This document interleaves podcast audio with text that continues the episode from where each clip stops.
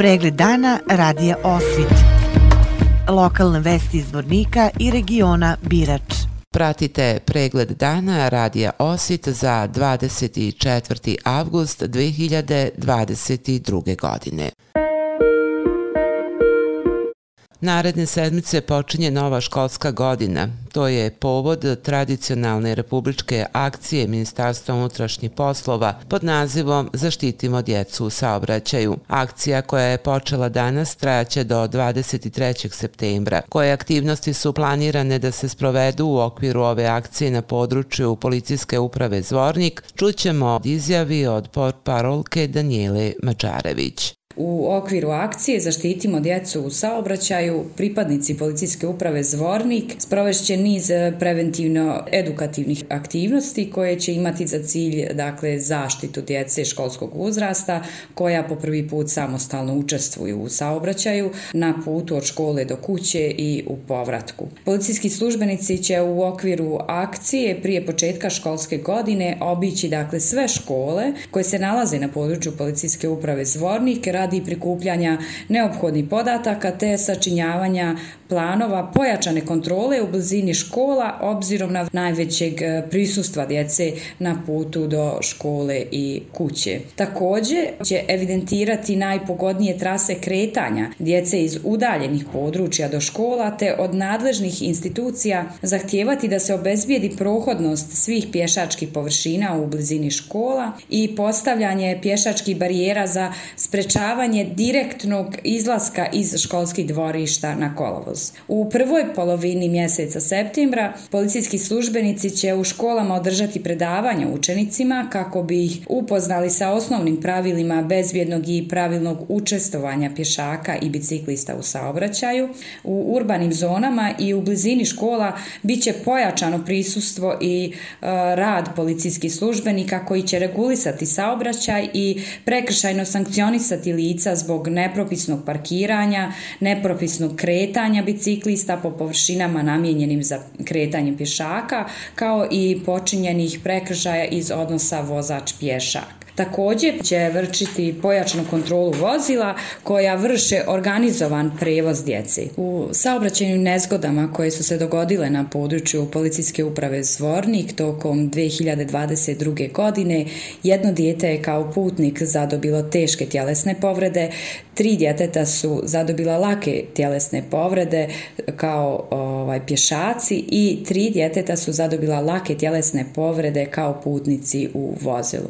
Policijska uprava Zvornik koristi još jednom ovu priliku da apeluje na sve učesnike u saobraćaju, posebno na vozače, da prilikom učestvovanja u saobraćaju poštuju saobraćajna pravila i propise, te na taj način e, doprinesemo zaštiti djece, odnosno zaštiti najmlađih učesnika u saobraćaju. Izložbom pod nazivom The Left Behind danas u Srebrenici počinje 14. međunarodna sedmica sjećanja pod sloganom Svjetla iz sumraka, koji su programski sadržaj, čućemo u izjavi od Bekira Halilovića, predsjednika Skupštine udruženja Adopt iz Srebrenice. Mi današnju manifestaciju zapravo otvaramo izložbu predmeta koji su pronađeni u devastiranim objektima na teritoriji opštine Srebren. Sama izložba je nastavak ranijih projekata koje smo imali kao udruženje gdje smo radili na izradi i predstavljanju fotografija prije svega privrednih industrijskih objekata na teritoriji opštine Srebrenica, ali i porodičnih objekata. Ova izložba je nastavak jer smo predmete koje smo uspjeli da pronađemo u tim raznovrstnim objektima donijeli, sačuvali i danas ćemo predstaviti prvi put na ovoj izložbi koja je jedno i otvaranje 14. po redu Međunarodne sedmice sjećanja. Pored izložbe kojom počinjemo svoj program, posjetitelje iz Srebrenice i, i susjednih opština očekuje jako bogat i razvrsan program ovogodišnje međunarodne sedmice sjećanja gdje će imati priliku da prisustuju raznovrsnom kulturnom, naučnom, umjetničkom sadržaju koji će biti ovogodišnje međunarodne sedmice sjećanja.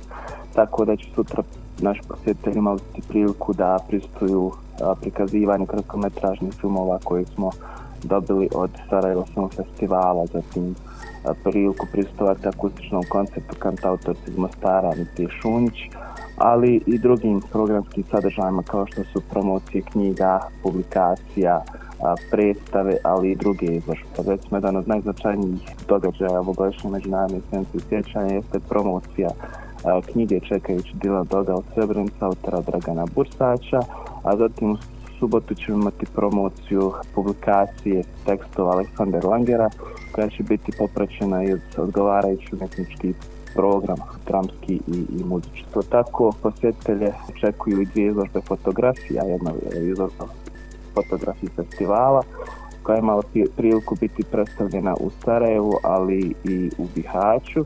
Ovaj put će posjetitelji sve imati priliku da pogledaju tu izložbu, ali i izložba fotografija mladog autora iz Srebrenice, Sandra Sekulića, koja se zove Mladi život. E, isto tako sedmicu sjećanja ćemo zatvoriti predstavom teatra mladih iz Sarajeva, Reakta, gdje će oni sa srebreničkom publikom prvi put izvesti svoju predstavu dnevnik identiteta. Međunarodni sjednicu sjećanja organizuje naše udruženje, udruženje Adop Srebrenica, zahvaljujući podršci prijateljskim partnerskim organizacijama kao što su Forum ZFD iz Sarajeva, zatim fondacija Heinrich Boll iz Sarajeva, fondacija Aleksandar Langer iz Bocana Italije, ali tu su i lokalne organizacije kao što su Sara Srebrenica, Srebrenica Vez, Kulturni centar Srebrenici i organizacija, odnosno fondacija Latera Nostra.